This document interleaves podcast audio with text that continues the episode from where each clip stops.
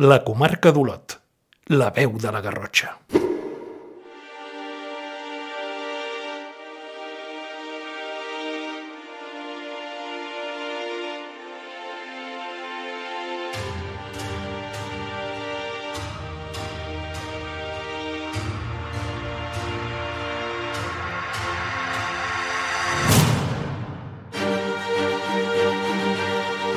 Estimat públic, sigueu molt benvinguts i benvingudes en Valor, la gala de reconeixement a l'esport olotí organitzada per l'Ajuntament d'Olot i el setmanari La Comarca d'Olot. A continuació veureu pujar a l'escenari del teatre principal més de 75 premiats, però sobretot sentireu la força i la diversitat de l'esport de la nostra ciutat. Coneixereu 26 disciplines diferents i descobrireu que en totes elles hi estem ben representats esportistes, entrenadors, equips i clubs, gràcies per un 2023 farcit d'ors i de valors. Mamadou Dembele, què tal? Bona nit. Hola, bona nit. Com molt estàs? Bé. bé, molt bé, molt bé. Tu no hi veus, Sí, diria que no. Em sembla que no. però en canvi nedes.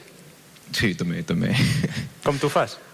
Uh, bueno, realment és molt senzill. És bàsicament uh, saltar des d'un de, punt més elevat i creuar la piscina, bàsicament. Uh, no, bueno, uh, o sigui, conto les braçades i, i a més a més amb les corxeres, bueno, que són les cordes que hi ha als costats, uh, intento, intento guiar-me per saber més o menys on estic de la piscina. Això ha estat un canvi, ha estat un aprenentatge, perquè quan vas començar a nedar sí que hi veies, però en canvi ara no. Com ha estat aquest canvi? Bueno, eh, haig de dir, sí, sí que hi veia, evidentment, però hi veia, no hi veia com, com, com, com, com tothom, però evidentment sí, sí que es nota perquè jo tenia una idea de lo que era la piscina i al final després ja, ja, no, ja no hi havia res, era simplement foscor. Um, bueno, va ser, sí que és difícil perquè veus que una cosa que la veus i pots fer-ho sense ajuda de res i al final t'acaba costant però també va ser un avantatge perquè com que ja, ja la podia, ja l'havia vist abans vaig perdre diguéssim la por a, a tirar-me al buit. Tornaries ara enrere? mm, no, jo seguiria, segueixo endavant. Vull dir, en tot cas tornaria enrere per repetir-ho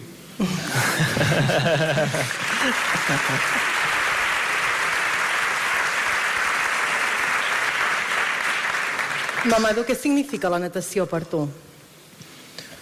Bueno, significa doncs, el fet de pues, poder sortir, sortir de la teva zona de confort, sortir i demostrar a la gent que, que, que, que la gent amb discapacitat o que la gent, bueno, la gent que simplement fa un esport, perquè la natació és molt, molt sacrificada, eh, bueno, estem allà, ho donem tot i, i bueno, això, la disciplina, la constància i, i doncs, les ganes de donar el millor de tu.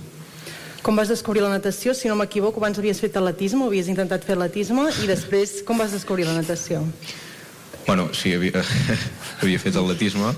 Uh, jo havia fet prèviament els cursets de primària de, de natació, fins aquí no l'havia tocat més, fins que amb Garbuix vaig anar a l'estiu al Club Natació Castellfollit a fer un curset de natació també i doncs allà hi havia en Pere que buscava nedadors uh, per, per competir i així per poder fer punts i bueno, doncs eh, un dels que va, que va pescar per allà vaig ser jo i mira, fins, fins a dia d'avui Per què vas canviar l'atletisme per la natació? Fa, bueno, és que vist ara de, de lluny fa gràcia però és que jo quan em preguntaven que per què canviava de l'atletisme a la natació jo sempre deia perquè em cansava menys I encara és així o no? no, no, la veritat és que no Et vas equivocar.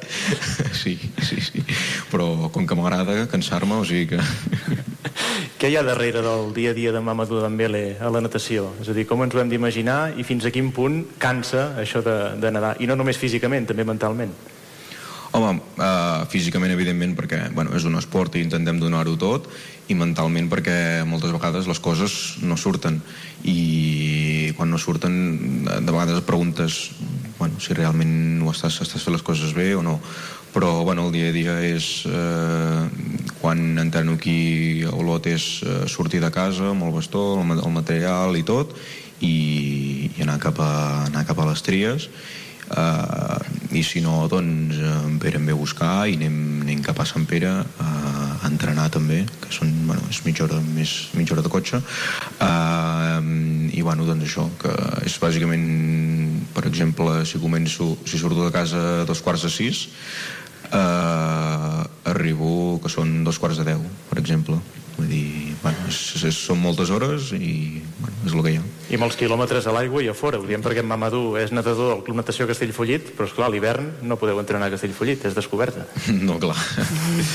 Aviam per poder podem però no, no, no, és, no és molt recomanable i bueno, doncs sí, bueno, fem, fem molts quilòmetres eh, per sort podem entrenar dos dies aquí a Olot i, però la resta de la setmana anem, anem a això, anem a Sant Pere que és una mica més lluny però també podem disposar de piscina la temporada passada va ser molt especial, Mamadou, perquè vau portar el nom del Castellfollit al món. Vau arribar al Mundial de, de Manchester en la teva primera experiència en un Mundial absolut.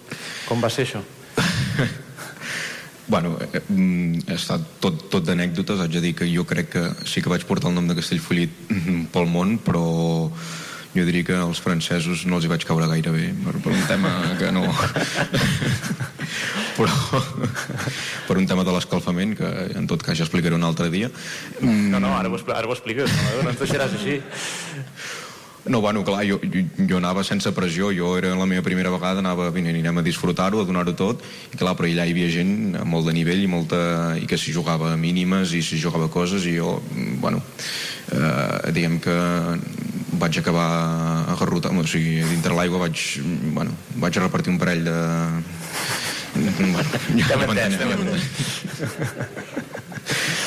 però bueno, no, el Mundial això va ser una gran experiència molt eh, molt enriquidora eh, es notava el nivell i però bueno, eh, molt content d'haver-hi anat i de tot l'esforç que vaig fer tant jo com en Pere, com, com tots els entrenadors i tot, i tot el club Ganes de repetir-ho? Ho dic perquè ara Mamadou ja està classificat pel Campionat d'Europa Sí, ganes de repetir-ho i, i sobretot tenint en compte de... Bueno, ens van fer la idea de lo que era un Mundial, ara un europeu serà com, bueno, com passejar-se per casa. I les Olimpiades, què? Les Paralimpiades, és un objectiu? Uh, bueno, ja, el meu objectiu uh, és, és anar a les del 2028. Um, ara bé, no direm pas que no, tot i que els, ja, els francesos no d'això ens però si, si hem d'anar a París, uh, s'hi va. Vull dir que... Ho veus possible, sent, sent realista o no, aquesta temporada? Uh, serà complicat, però hi ha possibilitats, hi ha possibilitats. Serà, és molt difícil, però hi ha possibilitats. En Mamadou és nedador, però em sembla que té un altre objectiu en, en la vida, que passa més pel món de la política. Ja t'has posat el públic a la butxaca, vull dir que crec que de carisma en tens, Mamadou. Ara només em falta parlar amb l'alcalde i ja...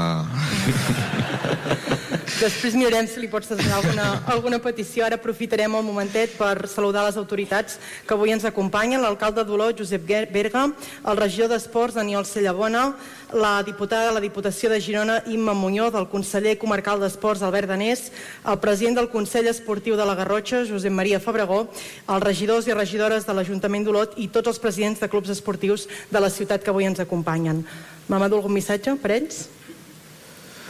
Bueno, espero i desitjo i us demano que, que tingueu en compte sobretot i prova d'això és l'acte que estem fent aquí és eh, l'esport i la gent que, que està aquí a la Garrotxa i que eh, és molt bona fent esport. També que tingueu en compte mm, l'esport adaptat i la gent amb discapacitat. I home, que ha de per si que no, no quedi per demanar que em cobriu la piscina de Castellfollit abans de que arribi jo.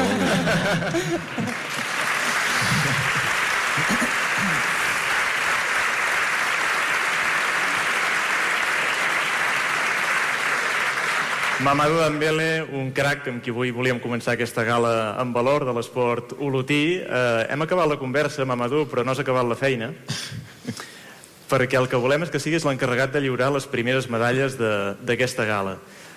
Però com que em sembla que sol tindries problemes, Demanarem que entri el que és el teu guia personal, es pot dir així, eh? És el teu entrenador, però és molt més que això. Un fort aplaudiment per en Pere Vilà.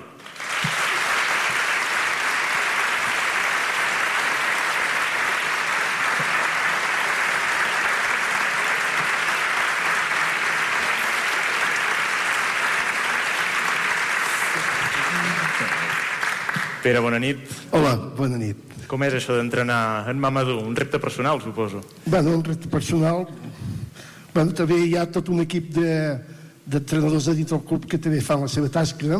Jo, mm, des de fa uns temps, eh, també vaig deixant una mica eh, les, les arriendes de- d'entrenar perquè, en fi, m'he fet gran també, eh, vull dir, i eh, estar dues hores amunt i avall a la piscina eh, també cansa i en fi, vull dir, també aquí haig d'agrair la, la tasca que fan eh, l'entrenadora eh, i, i tots els, els companys de- d'equip perquè sempre en tu Mamadou et tenen molta consideració tot i que, tal com ha dit quasi ens crea un problema eh, eh, Internacional, internacional perquè es va, es va carregar a la millor nedadora francesa eh, però no, no una vegada dos eh? Home, allà vam tenir d'aguantar una mica els crits eh? però en fi, vam superar-ho Mamadou, què significa en Pere per tu? Com el definiries? Bueno, jo sempre ho dic, eh? jo la primera vegada que vaig sentir eh, en Pere per allà a la piscina a mi em semblava un senyor que anava d'un costat a l'altre cridant i no, sabia pas el que... Però, ostres, no sé, eh, al final mm, ha sapigut demostrar-me que puc confiar en ell, que puc, mm, bueno, doncs que puc escoltar els seus consells, que puc deixar-me aconsellar per ell, eh, bueno, doncs ha sabut guiar-me pel, pel camí de la natació, per, co- com va dir ell en el seu dia, eh, convertir-me, doncs, suposo que en un campió. I, Mamadou Dembele i Pere Vilà.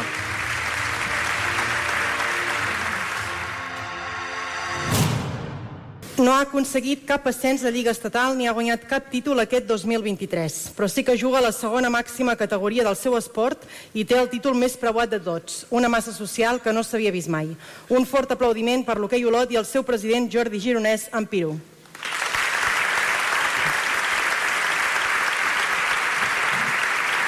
Bona tarda, gràcies. Benvingut el president de l'hoquei Olot. Què va pensar el president quan va veure per primera vegada el pavelló, la pista Josep Jou plena fins a dalt d'aficionats? Bueno, si vols que digui la veritat, avui, a dia d'avui, i mira que ja fa dues temporades, encara no m'ho crec. Vull dir, encara setmana rere setmana eh, és una emoció constant veure 800, 1.000 persones emplenant cada dissabte al pavelló. Eh, realment una, una emoció que, que per setmanes que passin no, no s'atura. Què té aquest equip que hagi aconseguit això? Que és molt més preuat segurament que qualsevol títol, haver enganxat a tanta, tanta gent. Home, doncs, eh, el que té és una gran personalitat, té un equip... Eh, són uns jugadors que, que tenen una qualitat eh, indiscutible, perquè per estar a una segona divisió estatal, per haver aconseguit pujar de categoria, que, que tots els que som aquí ho sabem, que costa molt pujar de categoria, molt i molt, doncs van aconseguir pujar... Eh, van potser sacrificar a jugar a altres llocs, a altres equips, eh, a guanyar potser més diners per tornar a Olot, eh, eh, perquè sentien els colors, sentien el record de, de, de petit, d'haver viscut doncs, l'emoció amb els seus companys, i van valorar doncs, tots aquests aspectes i van voler tornar. Van aconseguir eh, doncs, ajuntar aquest equip, eh, i va ser un moment que, que també la massa social del club ens va acompanyar perquè tots els, els, eh, els jugadors de la base, els pares i mares de la base venen cada setmana a veure-ho i això també és, és un mèrit eh, increïble que, que tota la base et segueixi i ja tan pleni com aquell que diu mig pavelló. Vull dir que, que és tota una sèrie de circumstàncies que, que com, com dic, fan emocionar molt De fet, recordo fa no pas tants anys que ens emmirallàvem amb Osona i dèiem, ostres, la comarca veïna és molt potent en hoquei patins i en canvi a Olot ens costa molt, no? I en canvi ara esteu passant per davant de molts clubs usonencs. Sí, no, i més que tot que és un, re un reconeixement que, que moltes vegades de dir que, que eh, per això estem aquí aquesta gala tots, que a Olot hi ha molt bons esportistes i hi ha moltes ganes de treballar i molt esforç i, i, i que val la pena doncs, reconèixer que no som, no som menys que moltes altres zones conegudes o més tradicionals amb altres amb altres disciplines. Vull dir que eh, aquí també som capaços de fer-ho, el que passa que s'han de juntar una sèrie de circumstàncies que, doncs, que ens ajudin. Hi ha un moment que es fa un clic, hi ha un moment en aquesta trajectòria que dieu ara sí hem fet el salt i ja som un club una mica més gran del que érem? Bueno, jo penso que un, un club, un, continuem sent un club petit, un club modest, un club totalment amateur. Eh, penseu que, aquest, com que deia, aquests jugadors no, no cobren diners per jugar a aquesta categoria i estem jugant contra equips que realment sí tota la plantilla cobra diners, més o menys, depèn de, dels llocs però som un club amateur que realment és, és molt de mèrit eh, estar aquí on estem i lluitar cada setmana, que, que realment costa molt lluitar cada setmana i guanyar cada partit perquè com, com sabeu tots depèn de si la pilota travessa barrai o d'un segon eh, més o un segon menys que, que puguis aconseguir l'èxit i realment doncs, mantenir-ho és, és, és molt important. Jo clic, eh, no sé, s'han ajuntat una sèrie de factors jo per mi és, és, és el record d'haver viscut de petit doncs, uns colors, uns sentiments, una amistat que en algun moment torna i tens ganes de jugar junts amb els companys que, que has passat tantes bones històries. Gràcies a això s'ha aconseguit també una massa social, ho dèiem al principi, ho deies, eh? 800.000 persones cada setmana que s'apleguen al, al pavelló i amb això aquest mes de desembre es va organitzar el primer europeu femení d'hoquei patins a, a la ciutat. Impensable, suposo, anys enrere. Impensable, impensable, sí. Uh, una mica ho fa també el pavelló esportiu Ardoló, té unes condicions uh, molt potents, uh, des d'una mida molt acceptable per, uh, per fer competicions d'aquest tipus i el fet que cada setmana totes les xarxes es veiés doncs, que, que el pavelló està ple, doncs això crida l'atenció a les federacions, als organismes, i per tant et proposen doncs, voler, voler fer aconteixements aquí a Olot, que, que, bueno, que, és un, que és un peix que es mossega la cua. Si aquí ve el millor esport, doncs eh, eh, repercuteix eh, en tots els aspectes de la ciutat, amb el turisme, amb els hotels, amb, amb el reconeixement, vull dir que són aspectes totalment fantàstics. Un altre fet destacat el 2023, a banda d'aquest europeu femení, va ser el pregó de festes, una gran responsabilitat, un gran orgull i que es va assolir amb èxit, no? Sí, tant. Bueno, jo, si m'haguessin dit, no, no hagués dit mai que, que hagués hagut de fer un pregó de festes, però tant a nivell personal com, com a nivell d'institució eh, va ser un gran orgull, a més perquè feia 40 anys que feia de la fundació del club, són molts anys i que al final, al cap de tant de temps puguis aconseguir ja jugar una categoria ja estatal i una categoria maca, emplenant el pavelló amb tota la base que et segueix, doncs va ser molt important eh, i a més eh, obrir una festa major que també des del club ens agrada molt la festa i que les festes majors d'Olot són bueno, molt importants doncs eh, va ser va ser molt maco i també poder fer participar doncs, totes les edats del club perquè um, moltes vegades ens emmirallem amb el primer equip però esclar, hi ha el primer equip a darrere hi ha tota la base que, que, que potser si ara, ara sí estem en un bon moment però si darrere no hi ha una base doncs això tampoc té continuïtat i una de les coses del pregó, per exemple, que, que, que em va agradar més a, eh, a nivell de club va ser que llavors al final del pregó trobaves gent que ja feia molt de temps que no estava involucrada al club, que ja havia plegat des de feia molt de temps però que havia vingut a veure.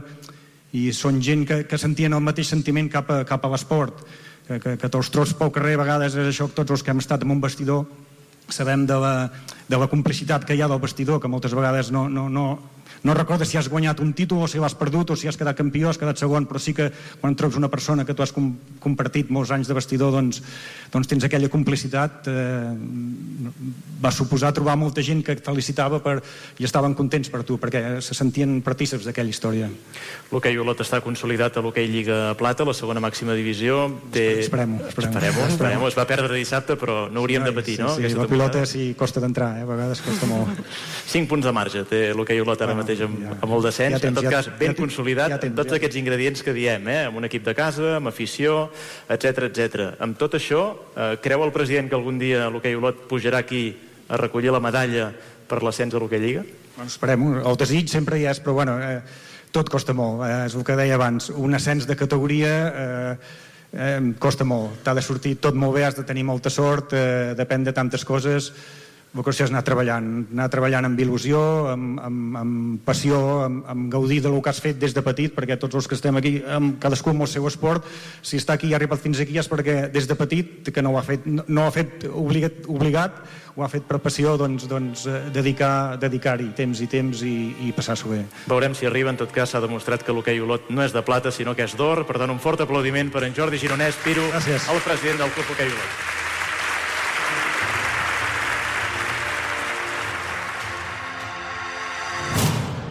No és esportista, no competeix, però fa competir. La seva feina va més enllà de les pistes i els terrenys de joc i cada vegada és més reconeguda per tothom. Un fort aplaudiment per la psicòloga esportiva Georgina Sagristà.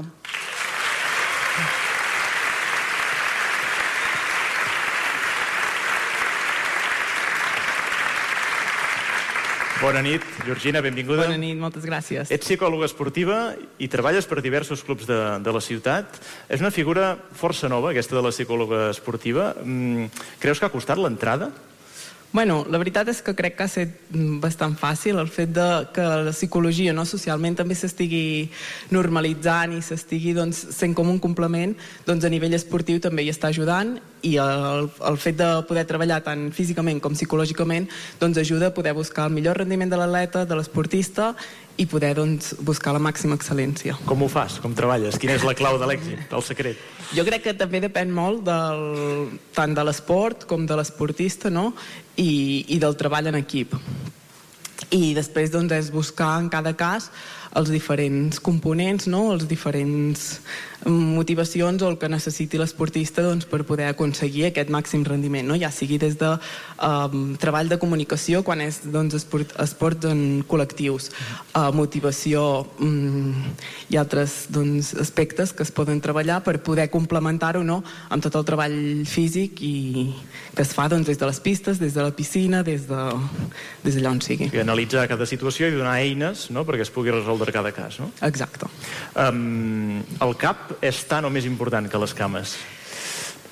Jo crec que no, és molt 50-50. Moltes vegades no, l'esportista doncs, acaba entrenant moltes hores i per tant fa moltes hores a la pista per poder doncs, buscar el màxim rendiment, poder buscar um, l'excel·lència i, i fa no, que també hi dediqui unes hores que es necessiten també poder gestionar, no? I tant a nivell d'organització com doncs, a nivell de motivació, perquè també si fas moltes hores, moltes vegades també t'acaba generant una pressió que s'ha de saber doncs, um, gestionar i així, i per tant jo ho complementaria com una mica 50-50, per tant tant és important doncs, poder fer aquest treball físic, no? com igual que el descans, um, l'alimentació, la part tècnica, la part tàctica, no és tot un conjunt de coses que no només és la part física, que segurament és la que es valora més. O sigui, la pressió és el gran enemic, no?, sempre? Uh, sí, la pressió i els nervis, no?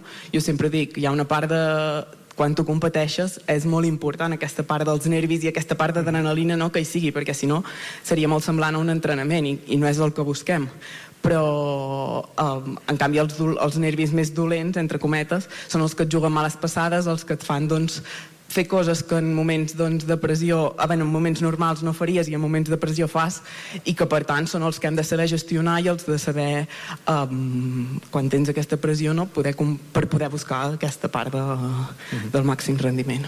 Parlem sempre d'esportista de, no, a nivell individual, però tu tractes tant a nivell de grups, a nivell d'equips com a nivell individual. Es tracta diferent una cosa que l'altra?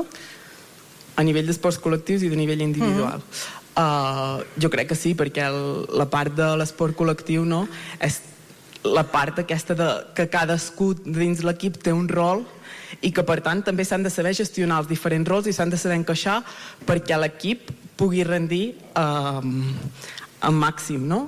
I en canvi a nivell individual ets tu contra el teu rival i que per tant també és gestionar no? tota aquesta part una part és més a nivell col·lectiu i a nivell de, d'encaixar rols moltes vegades i en funció també doncs, de quina és la necessitat uh, d'aquell equip i en canvi a nivell individual és també la part de gestió perquè també hi ha un equip no, darrere l'esportista que això sempre crec que és molt important tenir-ho clar que l'esportista no només és ell, sinó que hi ha una part d'entrenador, de fisioterapeutes, de preparadors físics, nutricionista, no? que també s'han de saber encaixar dins l'equip, també s'han de saber treballar i aquest treball de xarxa crec que és superimportant. Això ho poses en pràctica, per dir algun exemple de clubs, doncs amb el vòlei, per exemple, el Club Natació Olot, tant amb tennis com, com amb natació, però segurament el cas més sonat ha estat el patinatge, no? que, que és on molta gent t'ha conegut. Com ha estat aquesta evolució, aquest procés? Doncs crec que ha estat un procés molt, molt positiu, no? en aquest cas també veníem d'una d'un sotrac, no? d'una pauta negativa i, i poder tenir uns mesos doncs, per poder revertir aquesta situació, poder-ho canviar i poder-ho doncs, tornar a guanyar i generar la confiança que, que necessitaven doncs, per poder anar a Colòmbia, crec que, que va ser molt important i, i tot i així no?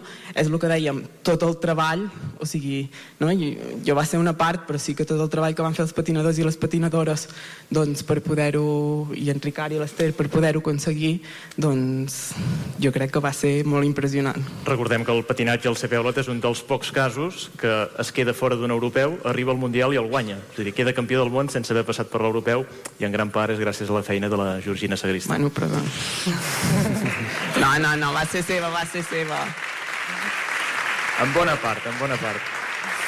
I ja per acabar, Georgina, sí que et volia demanar, comentaves al principi que ha sigut relativament fàcil entrar. El fet de ser dona i ser jove, creus que ha influït en aquest procés? Jo crec que el més el fet de ser jove, no? El fet de l'esportista no? sí que hem vist mm, més sèniors, però també la majoria són joves i el fet doncs, de poder també um, connectar més no?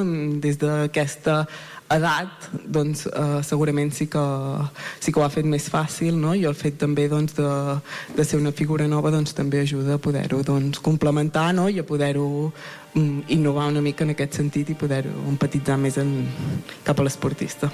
Doncs seguirem l'evolució de la Georgina Sagristà de tots els equips. Moltes gràcies per acompanyar-nos avui. Moltes gràcies a vosaltres.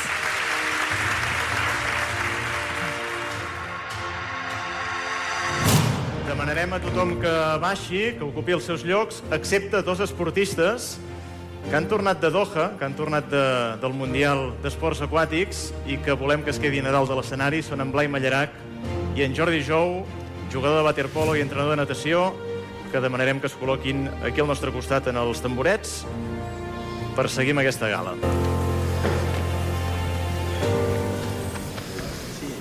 Blai, Jordi, bona nit a tots dos. Bona nit. Bona nit. Com esteu? Com ha anat això? Bueno, jo he acabat d'arribar. Has arribat ara, no? Fa molt poc. Sí, sí. Literal, perquè l'avió aterrava a quarts de quatre a Barcelona, no? Sí. I cotxe i cap aquí. Déu-n'hi-do. Bueno, jo millor vaig arribar ahir, tinc una mica de temps. Uh, Jordi, tenies dues nedadores en aquest Mundial de Doha, l'Àfrica Zamorano i l'Adrián Santos. Com ha anat aquest Mundial com a entrenador? Bé, molt bé. L'Adrián era el seu segon mundial, eh, va fer semifinal, a, a Fukuoka es va quedar a un pas, va quedar al 17, i aquí va entrar el 12 o el 13, si no recordo malament, i va acabar l'11, i amb l'Àfrica una mica agradols, perquè ella sí que tenia l'oportunitat aquí de, de ja agafar el bitllet olímpic i vam entrar a les semifinals, però a la, a la semifinal doncs, eh, se li va fer una mica, com diem nosaltres a vegades, una mica bola i li, li va costar i, bueno, tot i així va tornar a repetir la posició que porta doncs, els últims tres mundials, la, la 11, i bueno, a, a seguir treballant, que, que això, com ja ho han repetit abans, és, és esport i encara tenim un parell d'oportunitats més i segur que ho aconseguirà. En Jordi Jou, que no falla mai en aquestes cites internacionals, sempre portant-hi nedadors i, i nedadores, per tant hi ha un fix no? acostumat a, a l'alt nivell com a entrenador. Bueno, a veure, eh, sí, vaig començar, vaig tenir la sort de poder-hi participar com a nedador, eh, 2003 i 2005, dos mundials i a part dos europeus també 2002-2004 i després ja quan vaig començar la fase d'entrenador doncs ja el 2011 va poder participar un nedador que entrenava jo, jo no hi vaig poder anar, però des del 2013 sí que he estat en tots els mundials i la veritat és que bueno, és, és un goig i, i bueno, aquest, aquest últim no, Blai, eh, realment ha sigut l'equip Espanya no, doncs, que hem pogut aconseguir una medalla en totes les disciplines i crec que això per l'aigua és, és molt important, no? eh, poder tenir aquests referents. Waterpolo estan treballant impressionant, tant nois com noies, increïble. Uh, hem aconseguit una medalla amb salts que aquí a Espanya costa molt perquè hi ha molt poques piscines on, on puguin practicar salts les noies de sincro que eh, com deia abans la Georgina doncs una mica com el patinatge van tenir un, un sotrac i ara han recuperat i bueno, doncs nosaltres amb natació que no aconseguíem medalles des de l'època de la Mireia doncs amb, amb aquest nou emergent que és Lugo, que tots els que portem al món de la natació eh, sabem que ho teníem molt abans i realment aquest, aquest, aquest mundial doncs, que sigut una mica més light, per dir-ho d'alguna manera, perquè és any olímpic i una mica més complicat per, per la natació, però que s'havia de nedar, no? S'havia d'anar la, la preliminar, la semifinal i la final, i el tio va nedar un 200 esquena a la final, impressionant, i, i guanyant l'or que, que bueno, doncs dona força i, i una mica de tenir referents no? en aquest esport que a vegades ens falta una mica. Blai, en el teu cas, bronze mundial, és una medalla amb gust agradols? Sí, a ningú li agrada quedar tercer si pots quedar primer. Eh, llavors nosaltres tenim les expectatives molt altes, veníem de guanyar l'europeu res, fa, fa un mes, just eh, després de les vacances de Nadal, i bueno, el nostre objectiu aquest any, com bé deia, és un any complicat, un any olímpic, no de ens ajuntar l'europeu, el mundial i les olimpiades el mateix any, per la dinàmica de grup que portàvem, el nivell de joc i la competitivitat que teníem amb l'equip, volíem aconseguir les tres medalles d'or. És l'objectiu que ens havíem marcat, ho vam aconseguir a Zagreb, i ara aquí a les semifinals ens van entrevessar una miqueta, no vam acabar de jugar el nostre joc, realment Itàlia ens van plantejar un, un partit eh, molt estratègic, no vam saber-ho tirar endavant, però bueno, al final aquestes medalles també se necessita que donar valor. Portem, em sembla que els últims 10 anys fent mínim una medalla internacional amb, amb la selecció. És un treball molt bo i esperem poder arribar a l'estiu amb, amb, amb una mica més d'ànims i amb més ganes. De fet, vau aconseguir la medalla que semblava més difícil, l'or a Zagreb, com ara deies, a Croàcia contra els croats, en una piscina que semblava un infern. Exacte, eh, vam aconseguir una, una gran victòria. Realment l'atmosfera, l'ambient, tot ens deia que seria molt, molt, molt complicat. El partit anava malament, però bueno, al final eh, un parell de genialitats van, van donar la volta al marcador. Hem de dir que en Blai Mallarac i en Jordi Jou no són els únics olotins que han estat al Mundial de Doha. Hem de donar també la benvinguda a Xevi Buc.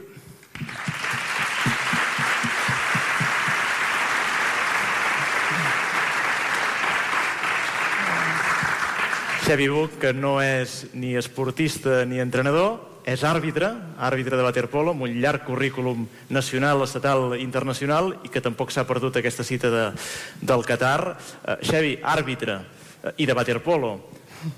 déu nhi Una mica, una mica difícil, sí. Perquè veure què passa sota l'aigua no ha de ser fàcil. Hem de ser realistes. Ens agrada, ens, ens agrada rebre records per tota la família quan anem per ahí, però bueno, està bé. Bueno, ara els ha ficat càmeres que els ajuden una mica. Sí, sí, Sí, ens millor? ho compliquen més. És com el bar del futbol, això, que porta més polèmica o no? Bueno, la veritat és que estem implementant aquest nou sistema. Eh, fins ara encara per nosaltres ha sigut una mica desconegut, però sí que en aquest campionat del món ha tingut molta més rellevància que cap altre campionat del món, a nivell mundial. Uh, personalment ha sigut finalista. Es pot dir així? Sí, he tingut la sort.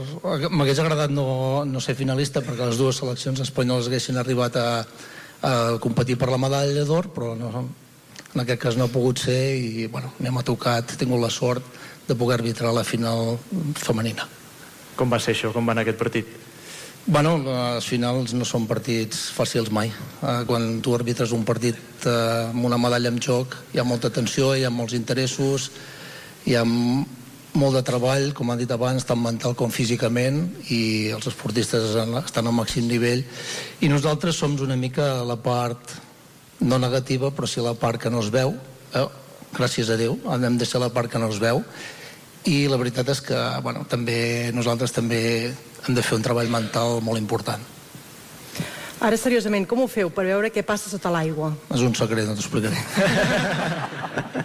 No, la veritat és que, la veritat és que jo sóc dels que penso que si no has jugat aquest esport és bastant complicat eh, arribar a entendre el que pot arribar sota l'aigua.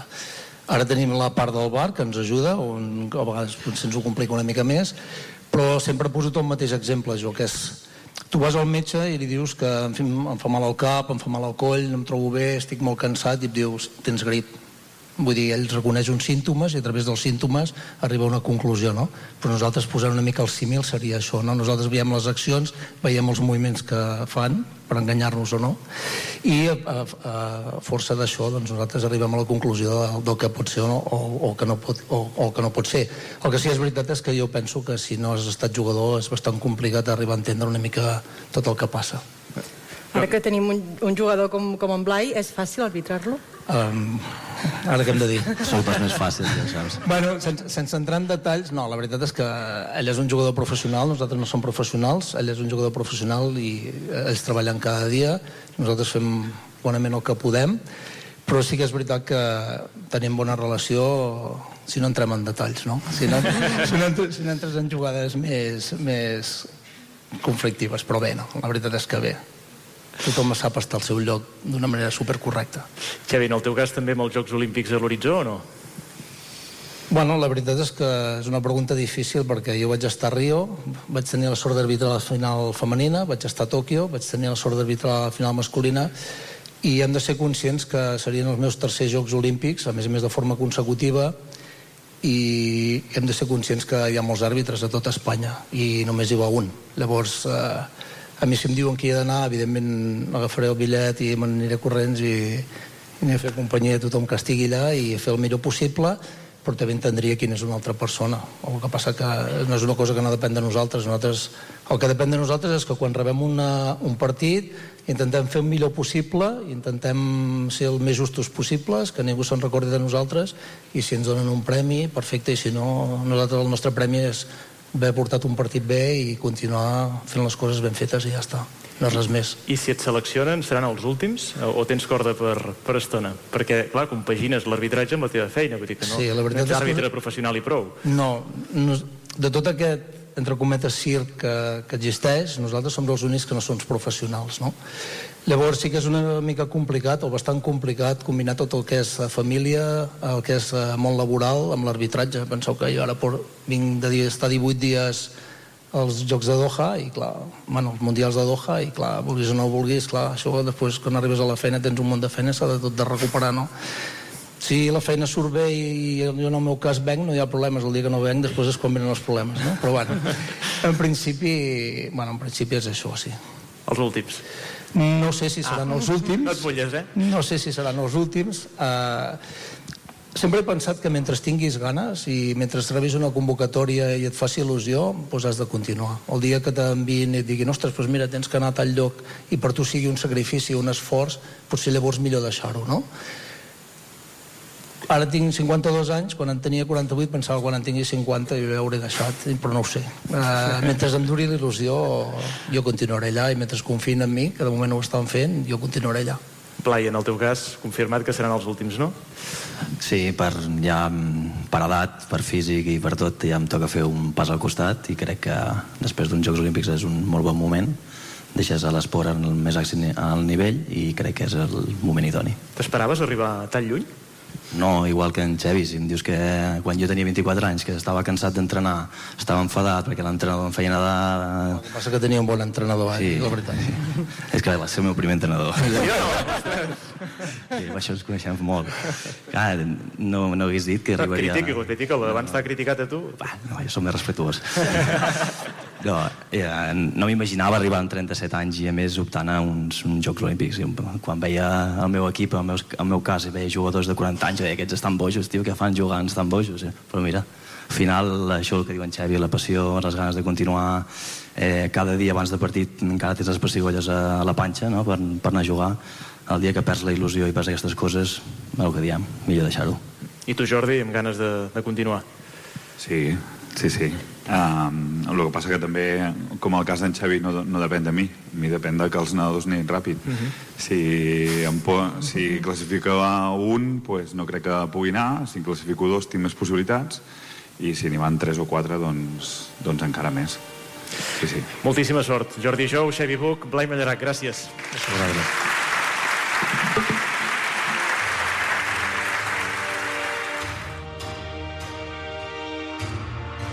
La comarca d'Olot. Compartint històries.